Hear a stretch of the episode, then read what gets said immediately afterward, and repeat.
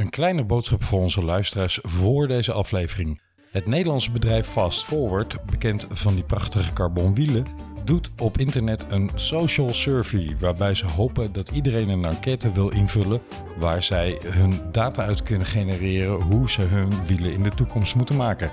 Doe Fast Forward lol en help dit prachtige Nederlandse bedrijf door op internet die survey in te vullen. Kost je maar een paar minuten. De link staat in de show notes van deze aflevering.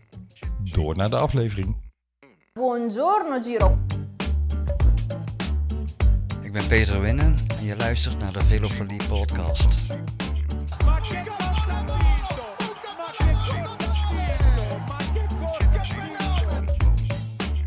Ik ben José de Kouwer en je luistert naar de Velofilie podcast. De Velofilie podcast. Vieni via di qui. Niente più ti lega a questi luoghi, neanche questi fiori azzurri. De Velofilie podcast is powered by In de Leidenstrui. De wielenwebsite voor het laatste nieuws, originele content en belangrijke informatie over alle wedstrijden. In de Leidenstrui. Fantastisch. Uit België, groet José de Kouwer. Buonasera, beste wielenvrienden en vriendinnen. De laatste keer dat wij deze woorden kunnen spreken. Welkom bij deze Giro podcast uitzending van de Velofilie podcast. Waarin we uitgebreid gaan terugkijken op, ja, wat toch wel volgens mij een heerlijke Giro is geweest. Al moet ik bekennen, ik was blij dat het vandaag met prachtig weer in Milaan eindigde. Want wat een regen hebben we gezien de afgelopen weken. Het eh, leek wel eeuwig herfst te zijn in heel Europa. En gelukkig was het vandaag ook in Nederland. Het is zondag 30 mei. Prachtig weer. En eh, ik denk dat mijn vele vrienden Wesley en Jeroen ook van die prachtige zon genoten hebben. Klopt dat, mannen? Ik ben er net uit. Ja. Ik heb er ook wel eventjes even een paar uurtjes op het terras gezeten, ja, zeker. Ik heb een nieuw bankje gekocht voor het balkon. En mijn balkon staat op het zuiden. Dus Aha. eh, dat werkt wel. Je bent gewoon derde graadse brand, begrijp ik. Ja, zeg dat wel. Ik moet zo door naar het ziekenhuis. Right. Nou, laten we dan even snel deze opname doen. Zeg ik heel egoïstisch. Ehm, maar voordat wij eh, van start gaan, eh, mannen. Het, het was genieten vandaag van, eh, van dat heerlijke weer. En toch ook wel van die afsluitende tijdrit. Al moet ik zeggen, voordat we naar een aantal stellingen overgaan, wil ik even de tijdrit met jullie bespreken. Veel opvallende zaken zijn daar niet, maar laten we in ieder geval met één opvallend iets beginnen. En dat was de bocht die Remy Cavagna nam. Wat vonden jullie van die bocht? Ja, dat, zag er bocht. vrij, vrij, dat zag er eigenlijk vrij kolderiek uit, hè? Ja, het is, het is bizar, weet je. En uiteindelijk betekent het ook zoveel, die bocht. Winst en verlies? Eh, ja, en eh, het zou voor hem een hartstikke grote overwinning zijn. Ook een overwinning die hij verdient. En dan op 500 meter was het, geloof ik. Hij had, hij had volgens mij nog 40 seconden om, om binnen te komen op dat moment. En, dan- en dan valt hij zo, zo dramatisch ook gewoon head first. ja. ja, tragisch. Ik heb Het even meegeteld, eh, jongens. Vanaf het moment dat hij over zijn stuur heen kukelt, ben ik gaan tellen. En tot en met het moment dat de soigneur hem het laatste setje geeft, kom ik op ongeveer 11 seconden uit. Handgemeten, hè? Maar neem het momentum wat hij in die bocht verloor, de snelheid die hij daar al verloor, plus eh, de snelheid die hij kwijt was om weer op gang te komen. En hij finisht op 12 seconden van Ghana. Ghana. Hmm. Nee, die had, hij had hem gewonnen hoor. Want op het moment dat hij de bocht... Ik kijk, ik kijk het nu ook even terug as we speak. Ja. En ik zie echt, ik zie echt dat hij op 500 meter nog, nog, vier, nog 40 seconden heeft. ja, Dat, dat is genoeg. Ze rijden Ik, eh, 52 gemiddeld, dus... Dan, dan, wil ik toch wel eventjes het een beetje ook buiten de renner zelf leggen. Want gewoon meer om, om jullie ook eens even, even te vragen. Want ik vind ook eigenlijk wel, wat, wat doet die ploegleider in die auto? Wat, wat doet hij erachter? En, en wat zou die ook moeten doen? Want volgens mij, als, als ze erachter zitten, ze weten zelf ook dat het de laatste bocht is.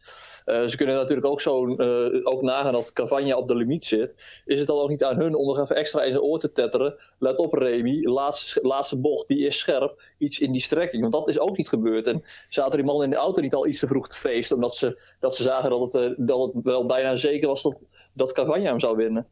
Dat zou kunnen, maar ik denk toch dat dit geheel aan Cavagna te wijten is hoor. Want hij, rijdt, hij snijdt die bocht gewoon volkomen verkeerd aan. Hij remt Ja, verkeerd en hij hij- snijdt hem verkeerd aan. Maar het was niet alsof hij ziet gewoon die hele bocht veel te laat. Hij, Ja, van normaal precies. gesproken ga je vanuit de, van de buitenkant naar, van de bocht naar de binnenkant. Maar hij begint die hele bocht. Hij rijdt eh, gewoon rechtdoor. Aan de binnenkant. Ja, Ja, Ja, dat- hij, dat wil, zie- hij wil dat over die reling springen. Dat zien ze toch in de, in de auto achter hem, zien, zien ze toch ook dat, dat, hij, dat hij dat niet op een goede manier doet. En dan kunnen ze hem toch nog eh, waarschuwen. Ze rijden de notabene achter. Dat vind ik ook wel een beetje. eh, Ja, een beetje maar dan, kan je de ploegleider ook elke keer eh, gaan waarschuwen moment dat er een boom langs het parcours staat. Van, oh, pas op voor de boom.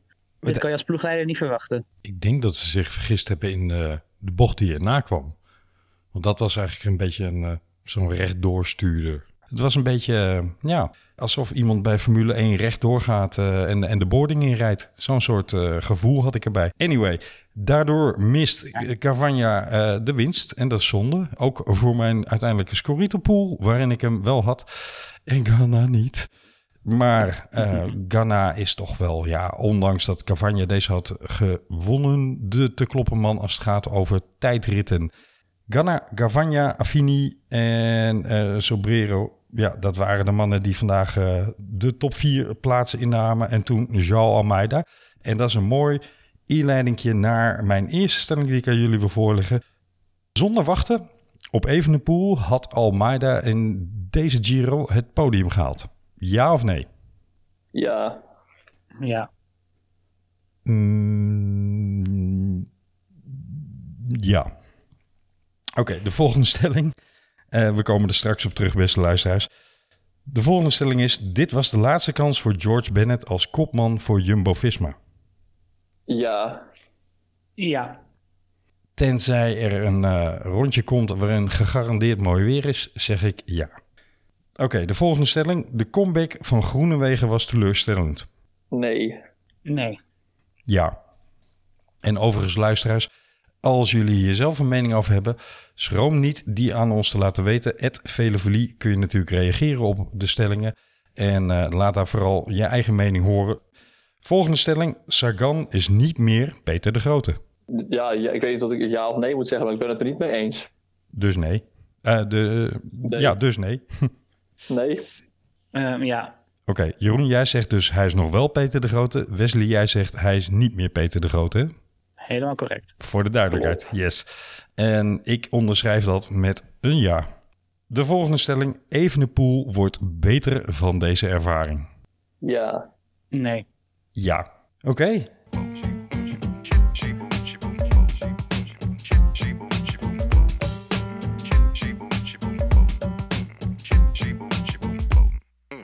Misschien moeten we er even induiken.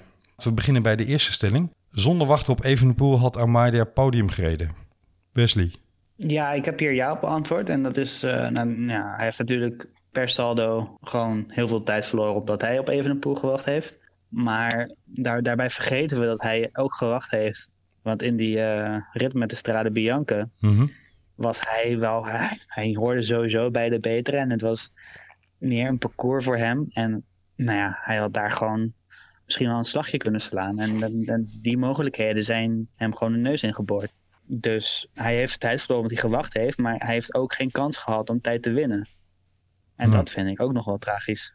Ja, ik, eh, ik, ik, ik sluit me eigenlijk wel aan bij, eh, bij hetgeen wat, eh, wat Wesley zegt. En ik vind ook wel dat ze, eh dat ze Almeida te, te makkelijk hebben geslachtofferd. Eh en dat is natuurlijk achteraf is het ook makkelijk, makkelijk praten. Dat die, eh, maar ik vind wel dat ze. Hij heeft best wel vroeg een slechte dag gehad. Toen hebben ze hem gelijk geslachtofferd. Terwijl ik, eh, wat ik al eerder heb gezegd, ik denk dat, eh, dat hij toch wel iets meer al had aangetoond in een grote ronde dan, dan Evenepoel. Dus en dat, eh, dat vind ik eigenlijk wel, wel zonde. Want hoe vaak heeft de Koning Quickstep nou een, een podiumplaats in een grote ronde gehaald? Hmm, niet vaak. Volgens mij, nee, zeker niet. Dus ehm, achteraf gezien, ja, ben ik het met jullie eens. We hebben die discussie al eerder gevoerd. Dat zullen we niet opnieuw doen. Over Almeida en eh Evenepoel. Maar ik vraag me toch af of Almeida ook niet in de relatieve luwte... Ja, hij heeft zijn werk gedaan, maar ook wel hier en daar met tegenzin. En ook wel dat je denkt, hmm, daar had hij misschien meer kunnen doen. Ik heb niet de indruk dat hij zich helemaal leeggereden heeft toen hij een klein beetje in dienst van Evenepoel reed. Dus ik vraag me af of het heel veel verschil had gemaakt. Laten we niet vergeten, hij verloor vier minuten voordat er überhaupt sprake was van dat hij voor Evenepoel moest gaan knechten. hè? Ja, nou, uiteraard, hij heeft een slechte dag gehad en daar heeft hij tijd verloren. Ja. Dat, dat, is, eh, dat, is, dat is gewoon een feit. Maar hij heeft ook minuten gewacht op Evenepoel. Ik bedoel, hij heeft, hij heeft misschien niet helemaal eh, uit, uit zijn naad gereden voor Evenepoel. Omdat Evenepoel gewoon niet zo hard kon. Maar hij heeft gewoon minuten verloren terwijl, omdat hij moest wachten. Ja. En bij Evenepoel moest blijven. Dus hij, he- ja, ik denk echt wel minstens drie minuten verloren om door de hele tijd op Evenepoel te moeten wachten. Nou ja, en, eh, en eh, ja, trekt die minuten er eens vanaf. Waar zou, waar zou eh, Almeida nu staan? Wat we in ieder geval volgens mij met een gerust hart kunnen concluderen, is dat Almeida een ontzettend leuk type renner is om naar te kijken. En om in zo'n koers erbij te hebben, omdat hij gooit het, het, de knuppel in het hoenderhok. Hij stookt het vuurtje op. Hij eh, is bereid risico's te nemen en te gaan op momenten dat anderen misschien nog niet zouden gaan. Of eh, het niet kunnen op dat moment. Hè? Dat kan natuurlijk ook. Maar hij is bereid oorlog te maken. En eh, daardoor wordt een koers leuk om te kijken. En het is ook wel wat nieuw. Het is nieuw dat een eh klassementsrenner die ook goed kan tijdrijden, misschien wel de beste tijdrijder onder de klassementsrenners, ook heel erg veel aanvalslust toont. Ja. En dat is, dat, is, dat is wel echt nieuw, want het is meestal of een aanvaller of een tijdrijder. En dat, dat brengt zichzelf natuurlijk ook wel in die positie, want als je tijd verliest in een tijdrit, dan moet je wel gaan aanvallen. Dus dat, dat snap ik ook wel. Maar nou ja, dat is wel iets nieuws. En dat, ik denk dat we daar wel, dat we Almeida mogen koesteren. En des te jammer dat, dat, dat hij moest wachten. Maar ja, Nou, we hebben één, eh, geluk. eh, hoewel er veel, eh, veel jonkies zijn die, die goed zijn. hij, wordt, hij wordt deze zomer in augustus wordt hij pas 23. Dus hij is altijd nog. eh, ik denk dat we nog jarenlang veel plezier van hem gaan, gaan hebben. Dat, dat inderdaad ook in de grote rondes. Dat we nog veel van hem, van hem gaan kunnen zien. Nu jij dat zegt, Wesley, denk ik, hij is misschien wel een soort van mix van Miguel Indurain en Marco Pantani door elkaar. En dat is leuk. Ja, ja hij, heeft van, hij heeft van beide wat elementen. Dus eh, die, gaan we, die gaan we inderdaad de komende jaren in de gaten houden. Laten we even naar stelling 2 gaan. George Bennett. Het was een ongelukkige Giro voor hem. En het vreemde vind ik dat de, de communicatie ook vanuit Jumbo-Visma eigenlijk uiteindelijk draaide om het, de discussie koud weer, warm weer. Waarbij zelfs vanuit Marijn Zeeman volgens mij het geluid kwam van... ja, ja je moet als kopman ook in slechte en barre omstandigheden kunnen, kunnen koersen. Dat was een behoorlijk killing statement volgens mij. ja, dat, ja dat is, het, eh, Marijn Zeeman zei in hetzelfde interview ook dat Bennett een eh, gigantische gunfactor heeft. Ja. En dat is natuurlijk ook wel gewoon zo, hè. Hij is inderdaad gewoon niet goed genoeg geweest, deze Giro. En dat is waarschijnlijk door de weer gekomen. En, en ik ben het wel met, met, eh, met Zeeman eens dat, dat als je de kapitein van een, van een ploeg bent, dan kan je niet bij, bij de regen willen gaan schuilen, zeg maar. Dus je, moet er dan ook gewoon staan. Dus eh, ja, dan maakt hij zich misschien gewoon ongeschikt als kopman. Dat, Ja. daar, daar ben ik het mee eens. Maar die Bennett, die, die, die zich daarna wel gewoon aan, gaat aanvallen. En voor Tobias Vos eh, op kop gaat rijden. En hem support en, en, en helpt. En ja, ik, het zal misschien de laatste kans van Bennett zijn. Maar ik denk dat we hem als mens wel misschien mogen koesteren. Ja, wil ik Absoluut. ook nog eventjes bij, bij toevoegen. Ik weet niet of jullie het hebben gezien. En anders is het ook wel goed op te, op te zoeken via, via social media. Er is ook een, ook een fotootje opgedoken van George Bennett. Die, die, die- hij is uiteindelijk is die, eh, de Zonkolan anderhalf keer opgereden. Want toen hij boven was, is hij terug afgedaald. En is hij met, eh, met Affini is hij mee, eh, mee naar boven gefietst. Ja. Dat tekent inderdaad ook wel echt weer eh, de warme mens eh, George Bennett. En ook, dat is misschien ook dat stukje gunfactor wat, Zeeman ook, ook over hem zegt. Maar als je puur op, op sportieve prestaties afrekent, dan, dan is het denk ik inderdaad wel duidelijk dat hij wel te licht is voor kopmanschap helemaal in een grote ronde. Ja, het is eh, een hele goede meesterknecht. Maar meer dan dat, in ieder geval in deze Giro, is niet duidelijk geworden dat het meer dan dat is. Jammer voor hem, maar tegelijkertijd is deze Giro ook wel een bevestiging van, voor de buitenwereld wat Jumbo-Visma waarschijnlijk al lang wist. Namelijk dat Tobias Vos een eh, aanstormend talent is. Eindigt negende in het klassement en eh, heeft knap meegereden met de grote mannen. Ja, en er kan volgens mij nog wel een paar kilootjes vanaf, hè? Grote beer is het. Het is echt Ja. een grote beer volgens mij. Ja, er zitten misschien nog wel wat babyvetjes op. dus eh, nou ja, ik, denk, ik ben benieuwd wat hij kan op het moment dat hij echt, echt op gewicht zit. Want je ziet wel dat het nu in de absolute hoge bergte heeft hij het nog wel lastig. Op die rit in, bij, met de Strade Bianca was hij wel op zijn best, zeg maar. En dat, dat, dat was niet het hoge bergte, dus hij heeft daar nog wel wat te winnen. En hij heeft een uitstekende tijdrit. Hij wordt vandaag ook geloof ik gewoon weer tweede van de klassementsrenners naar Almeida. Mhm. Terwijl die de laatste dagen eh, schil heeft gereden om eh, de top 10 te behouden. Dus nou ja, dat moet je ook niet onderschatten. En eh, ja, die kilo's die er dan afgaan, ja, misschien wel eh, de, derde, de derde kopman eh, bij Jumbo-Visma na Roglic en hopelijk Dumoulin. En Ja. volgens, mij is, eh, volgens mij is hij ook altijd nog met 23, 24 hooguit. Dus 24 inderdaad. 24, ja, zie je. Dus er komen nog genoeg, genoeg goede jaren aan natuurlijk. Ja, en, en speaking of leeftijd en goede jaren. eh, een vergissing die veel mensen maken is die andere man van Jumbo-Visma die goed gereden heeft, Koen Bouwman. Maar veel mensen denken dat hij nog steeds in die categorie voor de witte trui valt. Dat is niet zo. hij zit eigenlijk in zijn prime, om het maar zo te noemen. Maar hij heeft volgens mij wel echt een stap gemaakt eh, afgelopen winter. Want zoals hij deze Giro gereden, is, gereden heeft, heb ik hem nog niet eerder zien rijden. En eh, ja, dat was indrukwekkend. Hij was vorig jaar in de Giro ook, ook al heel goed. Die kon hij toen niet uitrijden, omdat ze op de eerste rustdag moesten ze met z'n allen naar huis, Ja, omdat. Kruiswijk ook corona had. Maar daar zat Koen, Baum, Koen Bouwman ook in de eerste, eerste bergrit al goed, eh, goed bij het peloton. Ja, En de alleen laatste 20 of zo, Etna was dat geloof ik. Maar toen kon je inderdaad niet zien hoe dat na drie weken was, omdat hij, eh, omdat hij uit koers ging met de ploeg. En nu heeft hij dat knap volgehouden. Hij zei zelf wel op zaterdag dat hij er aardig doorheen zat. Maar eh, ja, mooie koers gereden, mooi, eh, mooi resultaat. Die kan er absoluut op voortbouwen. Laten we even naar de volgende stelling gaan, want we zitten toch al bij Jumbo-Visma. De comeback van Groenewegen was teleurstellend. Jeroen, wat gaf jou als antwoord?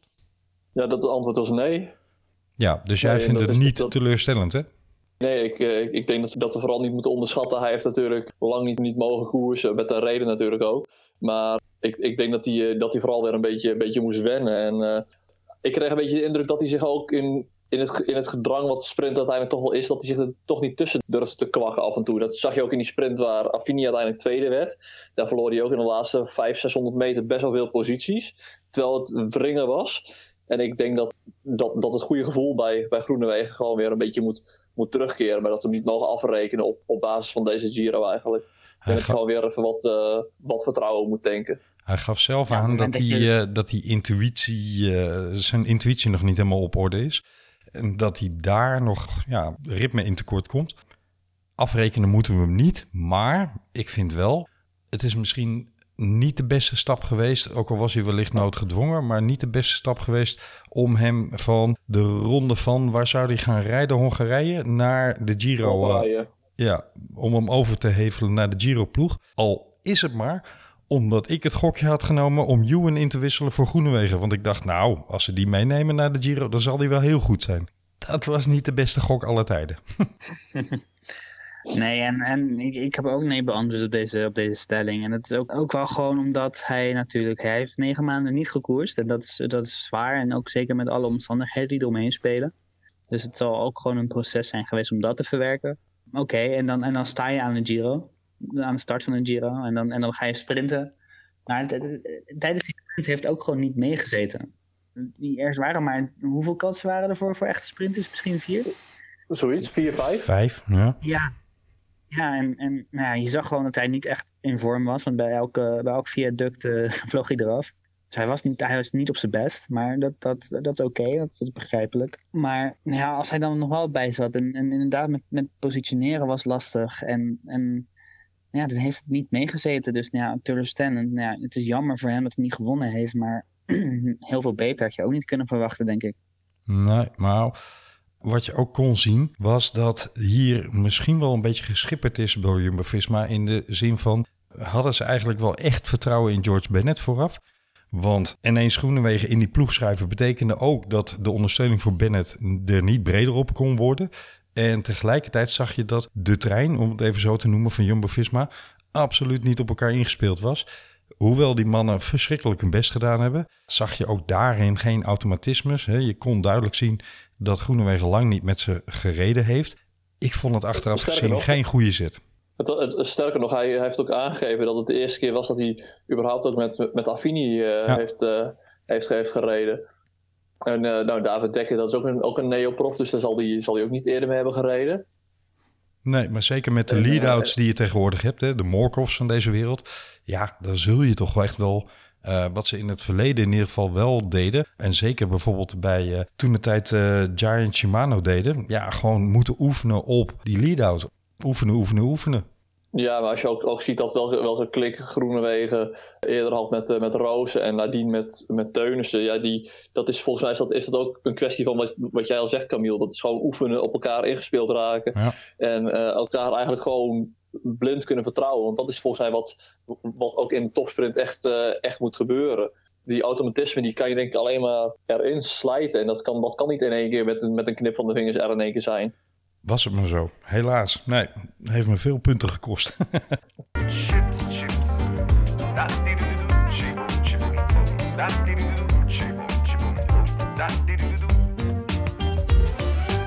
Wie eh, ik wel in mijn eh, pool had, maar dat was meer omdat ik dacht, ja, het hele parcours overschouwende is er eigenlijk uiteindelijk maar eentje die echt voor die puntentrui in aanmerking komt. En dat was voorheen Peter de Grote, nu bekend als Zagan.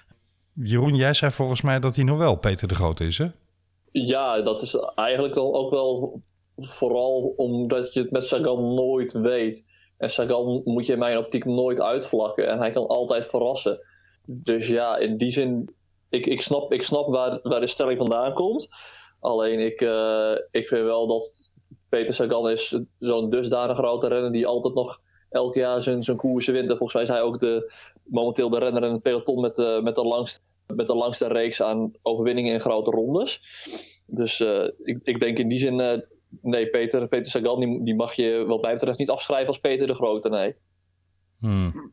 De Peter Sagan, die, die we Peter de Groot ooit hebben genoemd, daar hoefde je toch niet van te zeggen, ja, die mogen we niet uitsluiten. Nee, Het was meer van, we Die- mogen anderen niet uitsluiten. die bepaalde de, Eh, de toon en de koers.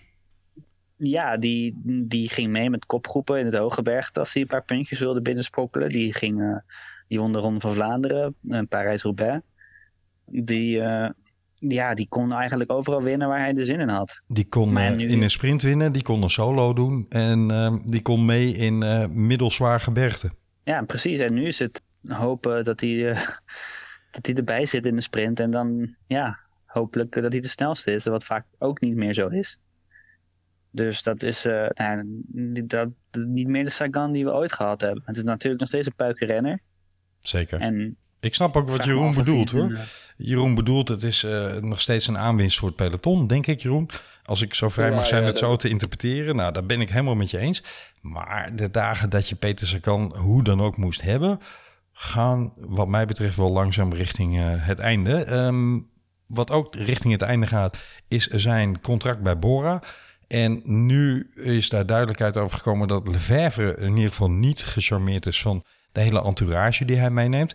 En het schijnt dat Total Direct Energy de ploeg is waar hij naartoe gaat vertrekken. Want die hebben gezegd, je neemt elf man mee, prima, kom maar hier. Elf man hè, in zijn entourage.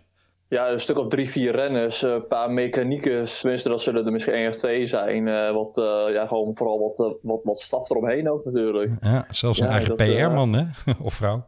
En wat Ja, dat betreft is het nog wel Peter de Grote, dat wilde ik er maar mee zeggen. Jongens, misschien... Het- het- Laten we doorgaan naar de volgende stelling. Eh, misschien wel de, de, degene die deze Giro het meest bepaald heeft wat betreft de media en de aandacht in de media enzovoorts. Vooraf was natuurlijk de verwachting omtrent Evenepoel ambivalent. Eh, Sommige mensen zeiden hij kan de Giro winnen. Anderen dachten hoe kan dat in hemelsnaam als je er zo lang hebt uitgelegen. Maar de stemming in, ten zuiden van onze landsgrenzen was in ieder geval zeer, zeer positief. En is gaandeweg de Giro omgeslagen naar eh, buitengewoon kritisch hier en daar. En ik denk dat geen van beiden helemaal terecht was. Onze stelling was, eh, wordt hij nou beter van deze ervaring? Jeroen, jij en ik zeiden ja. Wesley, jij zei nee. Laat ik even bij jou beginnen waarom jij nee zei. Nou, dat, dat is een beetje omdat hij, het ging hem natuurlijk wel heel erg voor de wind. eh, sinds hij ooit op de fiets is gestapt, niet zo Mhm. heel lang geleden. Alles zat mee, hij wint overal. Hij eh, komt bij de profs kijken, hij wint uh, Klassieker San Sebastian en de Ronde van Polen en eh, ja, wat dan ook niet. Ja, dan valt hij en dan komt hij terug en dan, dan is het toch even wat anders. En dan zou je kunnen zeggen, ja, daar leert hij van, daar wordt hij sterker van. Maar ik denk dat het ook wel gewoon... dat hij wat, wat, wat aanzien verliest misschien wel. Dat hij niet meer nu als de grote kroonprins door het peloton gaat. Maar toch maar iets van... Hé, jij moet je weer bewijzen, jongen. En, en, Ehm, is, dat is dat ongezond dan voor hem, denk je? Ik denk juist dat het heel positief is. Ik, voor een normaal persoon zou het positief zijn, ja. Alleen ik vraag het me af of, of Evenepoel een normaal persoon is. nou ja, eh, los van of hij normaal is of niet, dat laat ik graag aan mensen over die daar beter in gekwalificeerd zijn. Maar ik denk dat het geen enkel kwaad kan voor hem om, eh, al is het maar dat juist die mediadruk op hem wellicht wat verlicht wordt. Ik denk dat het helemaal geen kwaad kan dat hij, dat hij ja, iets minder als de grote nieuwe Eddie enzovoorts aangekondigd zou worden. En eh, dat hij hier absoluut wel van kan leren. Juist omdat wielrennen een sport is van cliché, cliché, vallen en opstaan. Je kunt niet alles winnen. Hoe goed en hoe groot je ook bent. Ook de grote Eddy Merckx heeft tegenslagen gehad, is geblesseerd geweest, is zelden, maar toch wel eens op waarde geklopt. En ja, eh, moest bijvoorbeeld leren omgaan met het duel met Ocaña in die tijd. Eh, ging ook niet altijd van een leien dakje. Dus ik denk dat hij hier juist enorm veel stappen uit kan maken. Denk opnieuw dat- heeft dat- gezegd... zijn ego heeft een paar deukjes opgelopen. En ik denk dat hij daar een kerel van wordt. Maar ik, ik denk dat, dat, het, dat het absoluut meespeelt dat eh Evenepoel komt op mij als een hele intelligente jongen over. En ik, ik denk dat het, eh, dat het ook wel echt gaat, gaat bijdragen. Dat hij, hij lijkt me vrij analytisch en dat hij, dat hij ook dit wel op een goede manier kan, kan verwerken. En ook daar wel zijn, zijn les uit zal leren. Ik denk alleen dat er, eh, dat er wel een paar dingen zijn waar hij, eh, waar hij beter in, in moet worden. Dat zal hij natuurlijk dat zal hij zelf veel beter doorhebben dan, dan wij. Als je afdalen dat- noemt, Jeroen, zet ik je knop uit. Ik, eh, ik had het over eh, rijden in het peloton. En, eh, Oké. eh, ik had, eh, want, want, dat is natuurlijk, natuurlijk wel iets wat. eh, hij heeft natuurlijk heel veel gewonnen, vooral zeg maar, in, de, in de categorie voordat hij prof werd. Hij reed natuurlijk wel heel veel. Hij was natuurlijk zoveel beter dan de rest, die ook heel veel alleen gereden heeft. Hè? En het, het, het wringen in een, in een peloton met allemaal, allemaal jongens die ook zeg maar, gelijkwaardig qua niveau zijn. En allemaal ook bij die eerste, bij die eerste tien, zeg maar, eh, voor die bepaalde afdaling of voor die bepaalde eh, eh, beklimming willen, willen, willen zitten. Dat, dat is hij natuurlijk een stuk minder gewoon. Want hij normaal gesproken, als hij daar wilde zitten, dan was hij sterk genoeg om de jongens te overklassen. En nu zit hij meer in een. Ik vind het een beetje een vreselijke term om te moeten gebruiken, maar het is niet meer een, een level playing field waar hij in zit. Dus ja, ik denk al met al dat hij, dat hij wel heeft natuurlijk wel goede, goede begeleiding om zich heen. En ik denk wel dat hij hier beter van wordt, ja. Nou is dit ook wel een beetje een Giro geweest, mannen, die van links naar rechts, om de snolle bolletjes maar eens aan te halen, ging. Eh, ook in onze eigen beschouwingen en, en verwachtingspatroon. Want ik kan me herinneren dat Wesley en ik na een week zeiden... Goh, misschien hebben we er toch fout aan gedaan om hem niet op te nemen in onze pool. En ja, na twee weken kon je rustig concluderen... nou, dat was een goede zet om dat niet gedaan te hebben. Maar het, het, het slingerde wel zo heen en weer. En zo was het ook wel met andere renners. Het is op het ogenblik vallen en opstaan in heel veel gevallen. En ik denk echt dat Evenepoel... en dat, dan trap ik een open deur zes kilometer verder open... dat Evenepoel een uitzonderlijk talent is. Eentje die eens in de 15, misschien wel 20 jaar voorbij komen... En dat dit echt niet dat gaat zijn waardoor het ineens een level playing field is, zoals jij zegt, Jeroen. Ik denk echt, dit is een, een, een setback. En ook hier is verwachtingsmanagement misschien niet helemaal goed gegaan. Hadden ze ja, toch iets voorzichtiger moeten zijn met, met uh, de heisa daaromheen. Misschien dat ze dat in de ploeg wel zijn geweest, maar is dat in, uh, naar buiten toe en in de media in ieder geval niet helemaal gelukt. Maar wellicht is dit wel even dat ventiel wat losgaat, waardoor de druk er een beetje vanaf kan voor hem. En waardoor hij gewoon rustig kan bouwen aan een carrière waar we straks allemaal van zeggen... Jongen, weet je nog, die ene Giro, toen het niet lukte en uh, de rest wel. Ik uh, voorzie dat het nog best wel eens die kant op kan gaan hoor. Want uh, het blijft gewoon een jongen die ontzettend veel talent voor fietsen heeft. Ik ben wel met je eens Jeroen. Fietsen bestaat uit meer dan alleen maar heel hoge wattages kunnen trappen. En dat, daar hebben we in deze Giro toch wel een aantal voorbeelden van gezien. Van mannen waarvan ik dacht, hmm, dat sturen, dat kan toch echt beter. In sommige afdalingen. Bijvoorbeeld. ja, maar, nee, maar er zijn afdalingen bij geweest waarin ik op een gegeven moment bijna dacht: laat ik gewoon eens even iets anders gaan doen. Niet alleen omdat het wegdek nat was en uh, enzovoorts, maar ook gewoon omdat er gestuurd werd op een manier dat ik dacht: je hebt het of je hebt het niet, maar je kunt het wel degelijk ook voor een deel leren. En ik zag af en toe dingen gebeuren dat ik dacht, hmm, niet fijn. En Felipe Martinez, die, eh, die verloor al wat meters hè, afdaling. Ja, dit, je zou verwachten van een Colombiaan dat hij toch gewend is om af te dalen. Maar dat zag ik er in ieder geval niet in terug. Nee, dat, dat vond ik wel heel, eh, heel bizar om te zien eigenlijk. Dat, eh, dat, dat hij echt voorbij werd gereden door het hele, hele peloton. En dat hij daarna het gat weer moest dichten. Ja. Maakt overigens niks uit hoor, want hij was nog steeds eh, bijna de beste. Dus ik dacht misschien komt Bernal wel geïsoleerd te zitten hierdoor. Maar nee, helaas.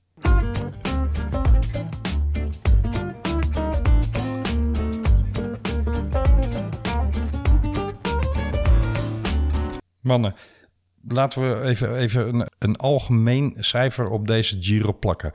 En dan gaan we daarna nog even dieper in de analyse over wat er nou prachtig was en wat er minder mooi was en wie de tops en wie de flops waren. Maar als je op een schaal van 1 tot 10 nu een cijfer mag geven, Wesley, wat zou jij deze Giro geven? Vijf. Een 5? Amai. Ja. Oké. Jeroen, jij? Ja, ik, eh, ik, ik geef het toch wel eh, zeker wel een 7. Misschien, ja, ik, ik, ik- laten we gewoon inderdaad op hele cijfers houden, dan, geef ik het inderdaad geef ik het een 7. Ik eh, betreur achteraf enorm dat Landa zo vroeg uitgevallen is. Want ik heb echt het idee dat hij misschien wel kans had gemaakt, maar in ieder geval voor oorlog had kunnen zorgen. Maar aangezien ik een behoorlijke Caruso-fan ben, geef ik hem toch echt een 8. Prachtig. Zeker hoe hij in de ene laatste rit de aanval koos. Samen met Bardet. Ja, de tactieken van tegenwoordig om aan te vallen en ook vroeg aan te vallen lonen. En we hebben gezien dat een Benal onder druk ook wel kwetsbaar kan zijn. Laten we het hebben over de winnaar, Egan Benal. Verdiend, leek te heersen de eerste twee weken. Maar in de derde week kwamen de haarscheurtjes in het panzer van misschien wel Ineos in zijn geheel. Maar zeker van Benal. Zijn jullie het met me eens dat deze Giro niet veel langer had moeten duren? Nou, ik, vond eigenlijk, ik, ik zat er net een beetje lekker in. Ik vond het, ik vond het wel een leuke, een leuke koers. Nee, niet voor, niet voor ons, maar voor Egan bedoel ik. Ja, nee. Dan, eh, ik, ik denk dat het inderdaad eh, eh, het beste was er wel vanaf, ja. Ja, nou op zich, hè, de, laatste, de laatste drie etappes, de, die vond ik wel eh, echt, echt het kijken waard. Maar voor Egan Bernal inderdaad is is het maar beter dat het, eh, dat het voorbij is. Want hoewel hij de laatste twee, dus de tijdrit en de laatste bergrit, wel weer iets sterker was dan eh, de Ja. rit die, eh, Ja. die waar, waar Yates zo huis hield.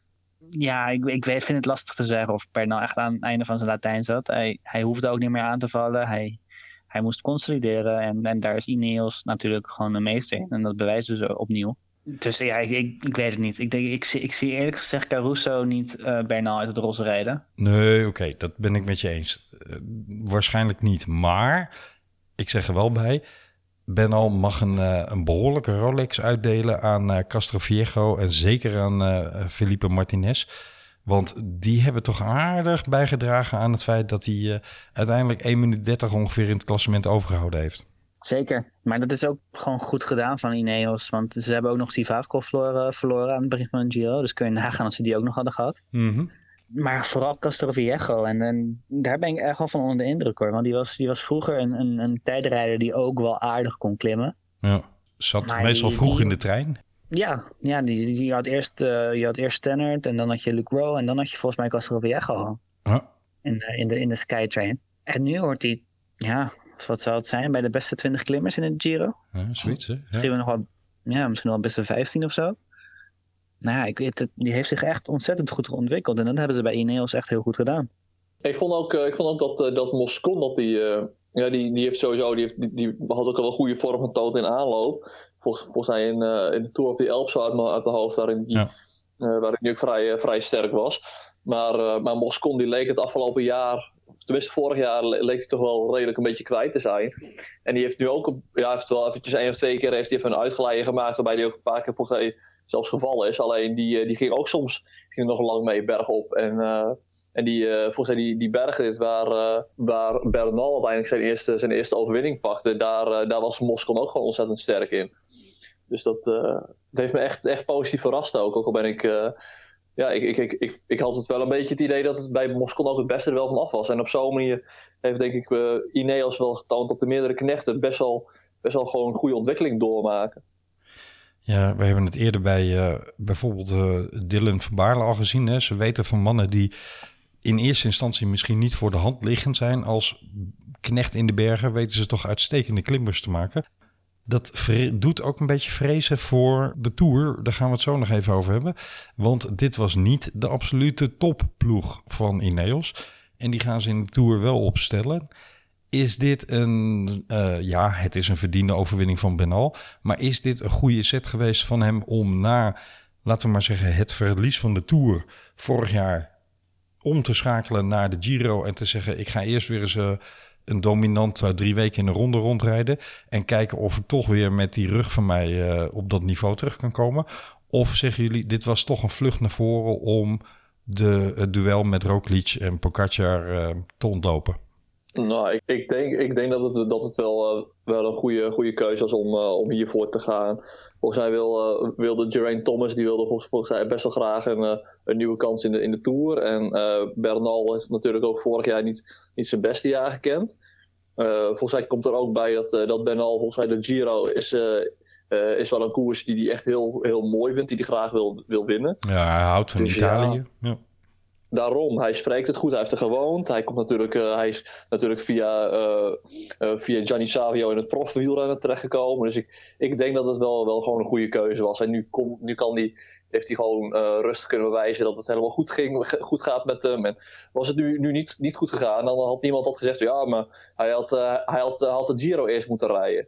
Ja, nou, ik kan me vinden in jouw analyse. Wesley, jij ook? Ja, het is de, het is, ik denk dat het puur zijn liefde voor Italië is het jaar dat hij de Tour won, zei hij geloof ik al dat hij liever de Giro had gereden. Klopt, dus toen, toen was denk, hij geblesseerd. Hè? Dat... Ja, precies. Ging hij naar de Tour daardoor. Ja, en ik, uh, ja, ik denk echt dat het wel gewoon uh, niet had uitgemaakt hoe, hoe het ging met zijn rug. Hoor, wat, wat er vorig jaar had kunnen gebeuren. Ik denk dat hij, uh, ja, hij wilde gewoon de Giro rijden. Hij wilde de Giro heel graag winnen. En dat is wat er nu gebeurt. En ik denk dat hij nu gewoon de rest van zijn carrière een paar keer de Tour gaat winnen. Dat, zou... is ook wel een hele mooie beker om te kunnen winnen. Het is echt een mooie beker. Ja, dat is zeker zo. De Infinity uh, Trophy, hè? de oneindige weg, zeg maar. Chips, chips.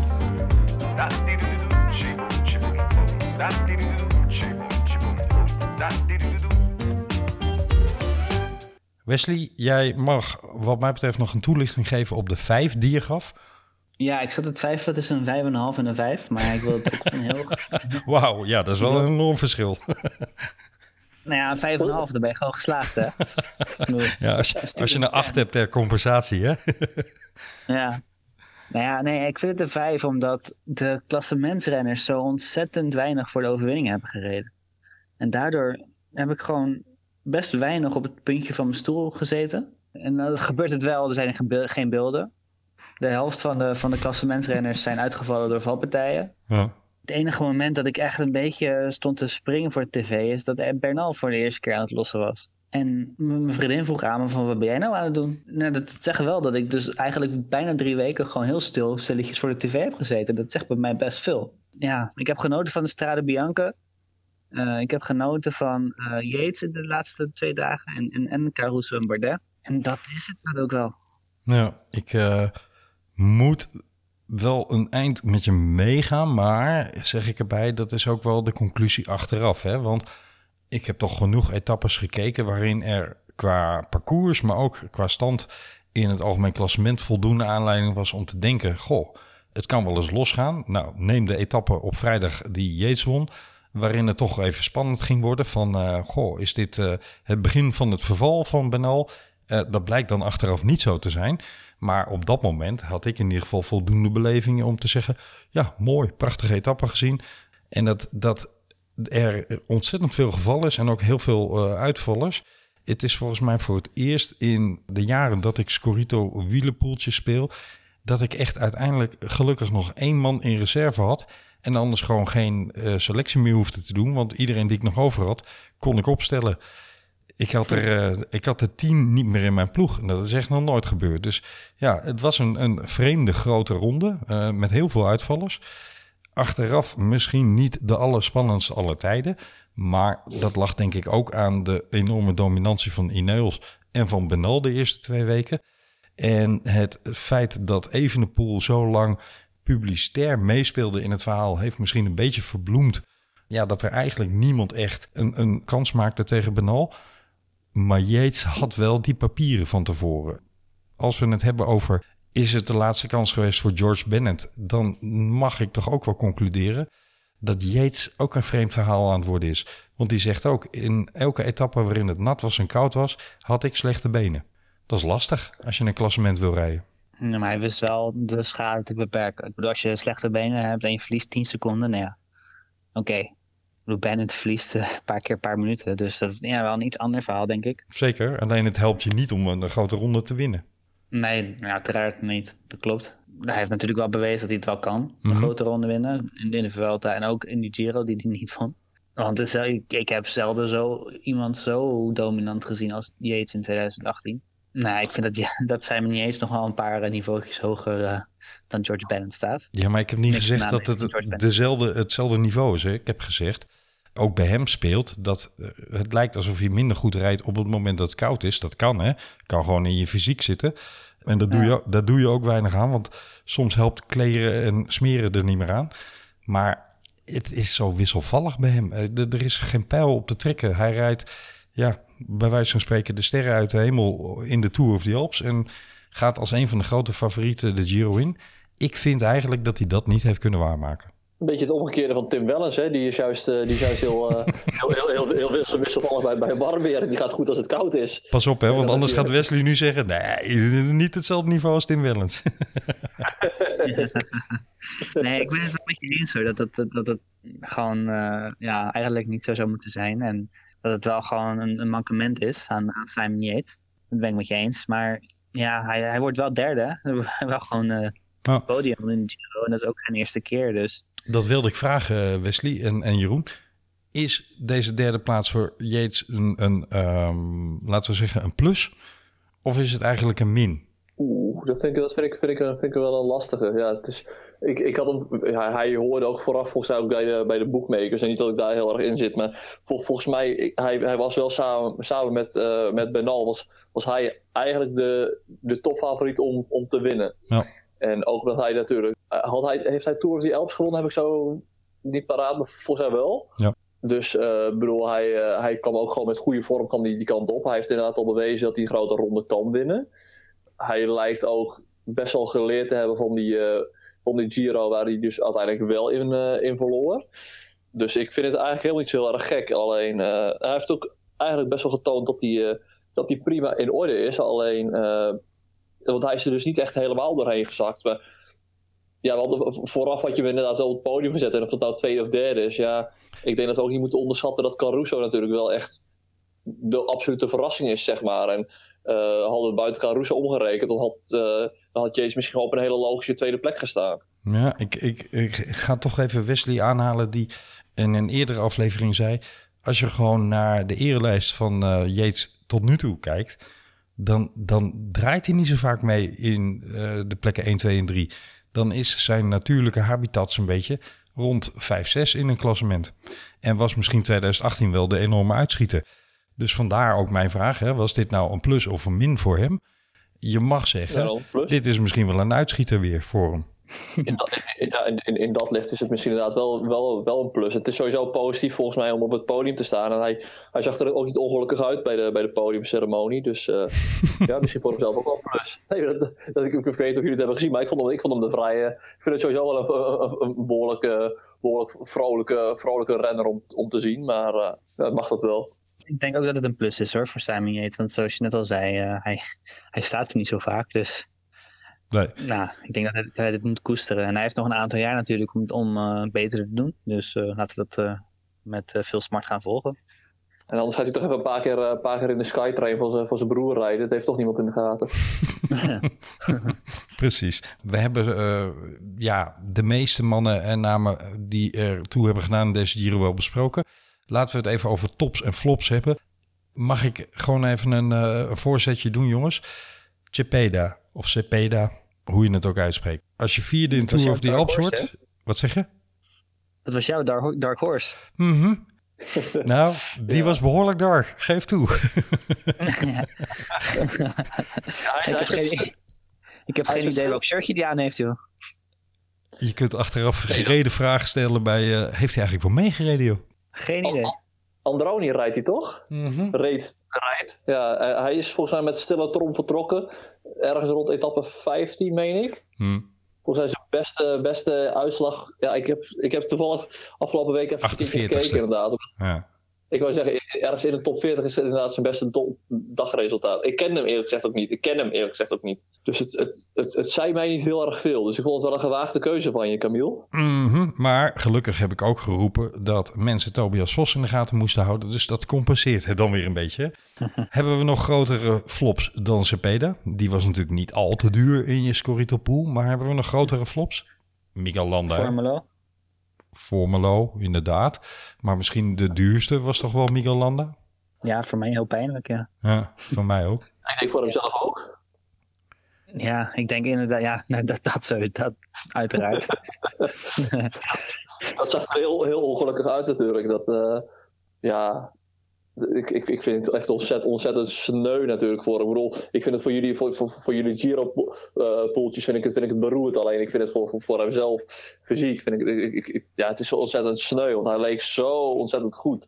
En dan gebeurt, dan, dat, dan gebeurt er gewoon weer die, ja, iets, gewoon dus pure pech wat er, wat, wat er weer overkomt. Hij kan er helemaal niks aan doen en hij gaat er zo ongelukkig en zo, zo hard ook uit. En dat ja, is wel echt ja, zonde. ik denk dat met Landa we echt een veel leukere Giro hadden gehad. Ja. Qua duel Ja, dat- met Bernal, maar ook qua initiatief. Want ik, hij, had ook een team ervoor om op kop te rijden. Met mijn Mohoric ook nog erbij. Precies. En dat is wel echt, eh, ja, ik, ik wil Landa niet- geen, geen flop noemen trouwens. Hoor, want ik, Nee, zeker niet. Nee, nee, nee. Ja, flop omdat hij duur was eh, om aan te schaffen in je, in je pool en geen eh, punten opgeleverd heeft. Maar eh, niet flop als in hoe hij ja, de Giro voorbereid had en daar naartoe ging. Nee, dat ben ik helemaal met je eens. En Wat jij zegt wel- heel terecht, Wesley. De enige ploeg die daadwerkelijk een beetje in de buurt had kunnen komen, als geheel met landen erbij, van Ineos was toch echt ja, Bahrein Victorious. En als je ziet dat, eh, dat zijn eh, luitenant, tweede viool, hoe je het ook wil noemen, Caruso, dat hij gewoon in een dusdanige vorm is dat hij tweede kan worden.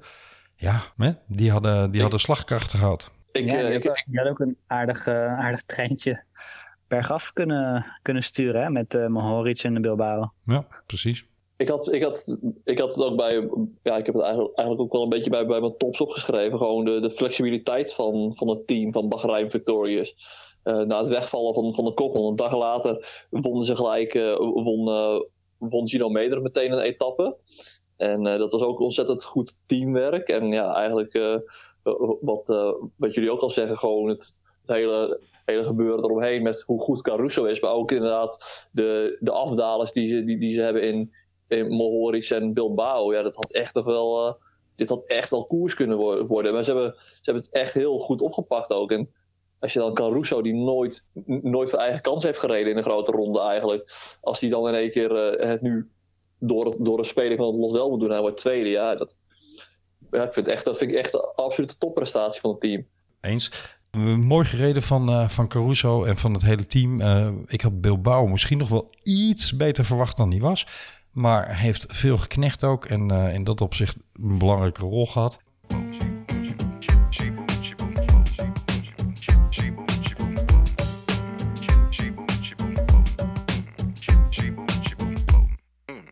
Hebben we nog namen waarvan jullie zeggen... die is me zo ongelooflijk opgevallen en daar heb ik van genoten?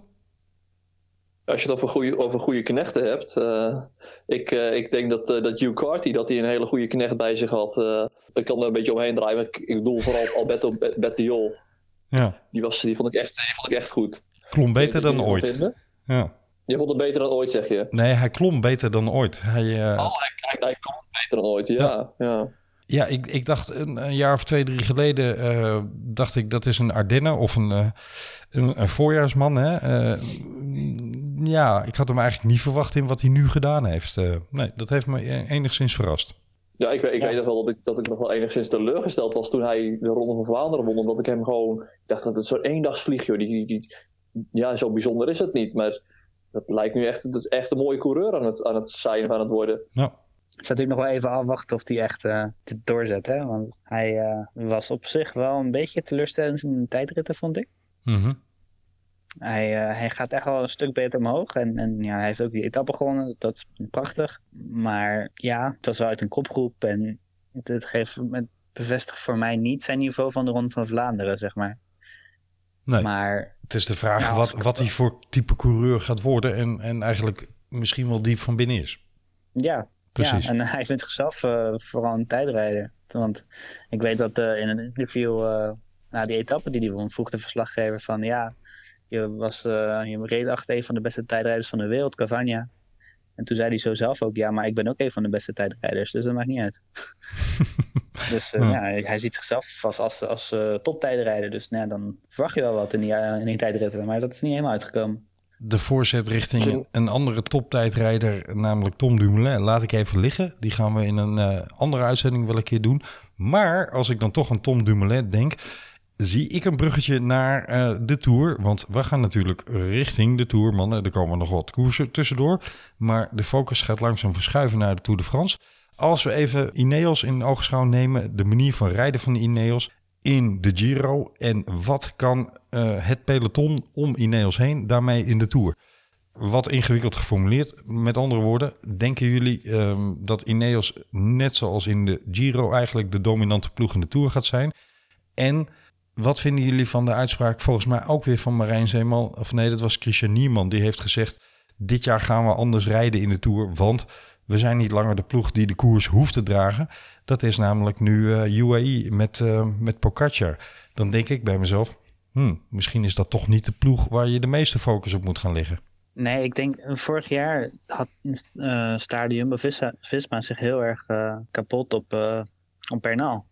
En daarbij hebben ze toen eh, Pogacar laten lopen. En dat is niet helemaal goed uitgepakt. Dus ik denk niet dat het eh, verstandig is om eh, inderdaad weer te gaan focussen op één concurrent. Of één team. Nee, maar ik denk ook dat het de verkeerde ploeg is als je je al focust.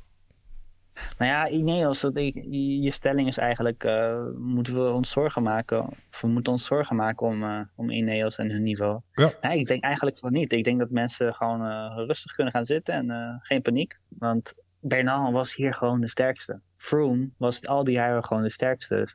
Dan, dan telt je het sterke team ook dubbel. Als je op het moment dat je de renner, de kopman ook het sterkste is. Maar in de aankomende Tour gaat een Hart of Carapaz of Thomas gaat niet de sterkste zijn, want het gaan Roglic en Pogacar zijn. Ja, Dus Ineos kan niet simpelweg hetzelfde spelletje spelen als wat ze nu doen. dat is waar. Dus- En, en, en gelukkig maar. Want wat mij in deze Giro enorm opviel, Wesley en Jeroen, is dat er geen pijl op te trekken was. Wat betreft wanneer wordt de kopgroep teruggehaald? Nou, niet. Gewoon überhaupt niet. Rij maar. ik geloof dat het één keer gebeurd is dat Benal dacht ik eh, ga voor de etappenwinst. En voor de rest hebben we ongelooflijk veel winnaars uit een van de ontsnappingspogingen gehad. En eh, dat toont de aanvalslust. Dat toont ook dat aanvallen beloond wordt tegenwoordig met etappenwinst. Maar het maakt het voor je, je poeltje er niet makkelijker op om... eh, hè, dat het advies is altijd neem zo min mogelijk aanvallers mee. Want je weet toch nooit wanneer wie er wel bij kan zitten en wanneer niet. Dat was alsof je een roulette balletje in een, in een rad gooit. Nou, ik had Petiol, dus ik vond het wel prima. Oké, ja. ja fair. Ik, ik, ik, ik, ik denk wel, eventjes een beetje terugkomend op, op, je, op je vraag. Ik denk dat er, eh, en ook wel een beetje aansluitend op wat, wat Wesley al zegt, er zijn eigenlijk, nu, nu was er eigenlijk maar één ploeg die echt, eh, die echt met een dominant blok rondreed. En dat was inderdaad Ineos Grenadiers.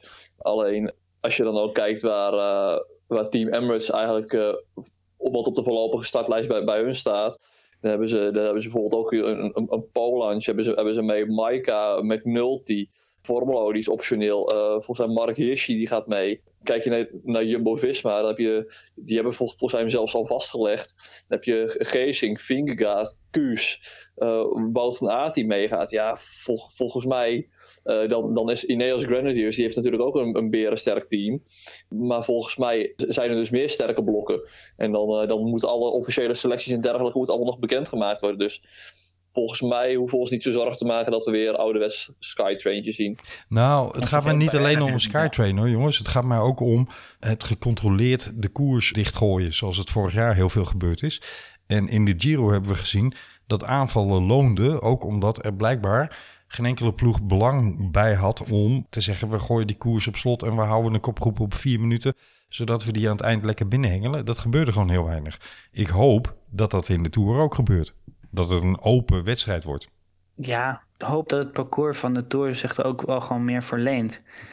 Dan, want de ritten in de Giro die zijn over het algemeen en gemiddeld gezien wel langer dan de Tour. Mhm.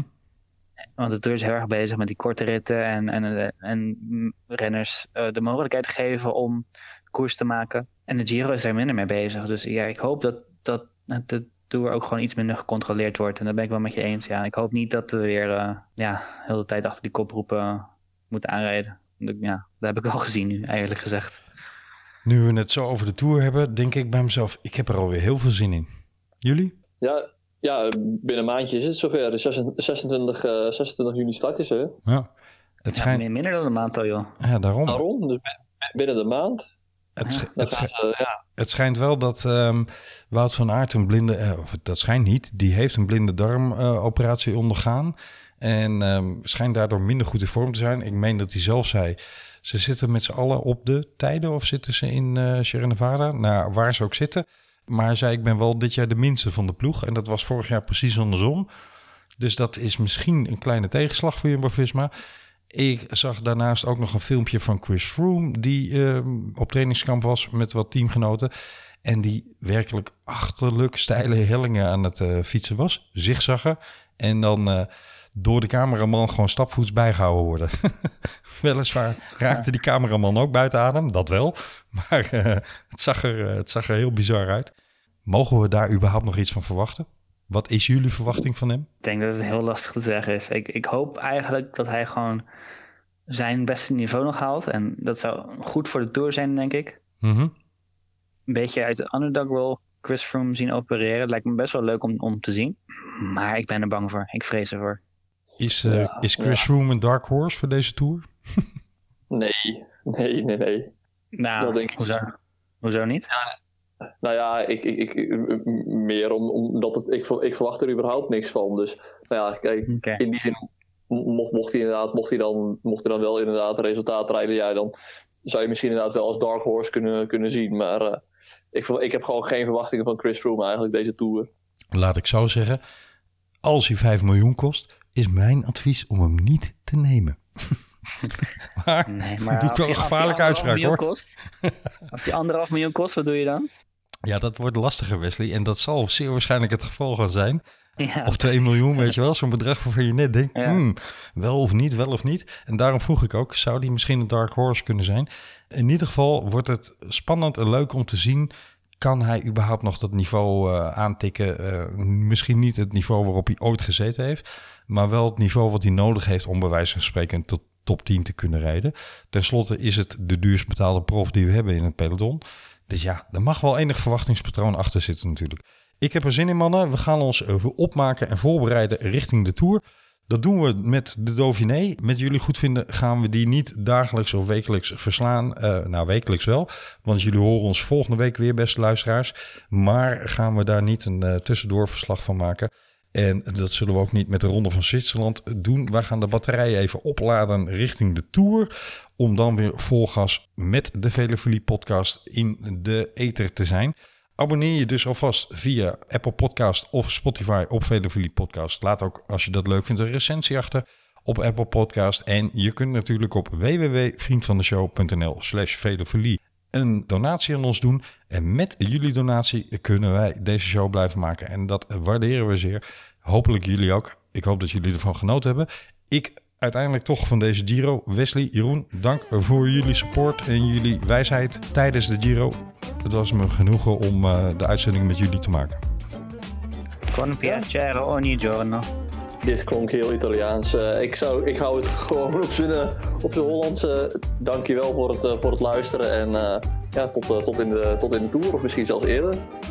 We zeggen voor nu arrivedella en eh buonanotte. En eh, we zijn binnenkort terug met de Franse intro's, zoals jullie die van ons mogen verwachten. En dan gaan we bonjour en le tour roepen. Tot dan. Adios.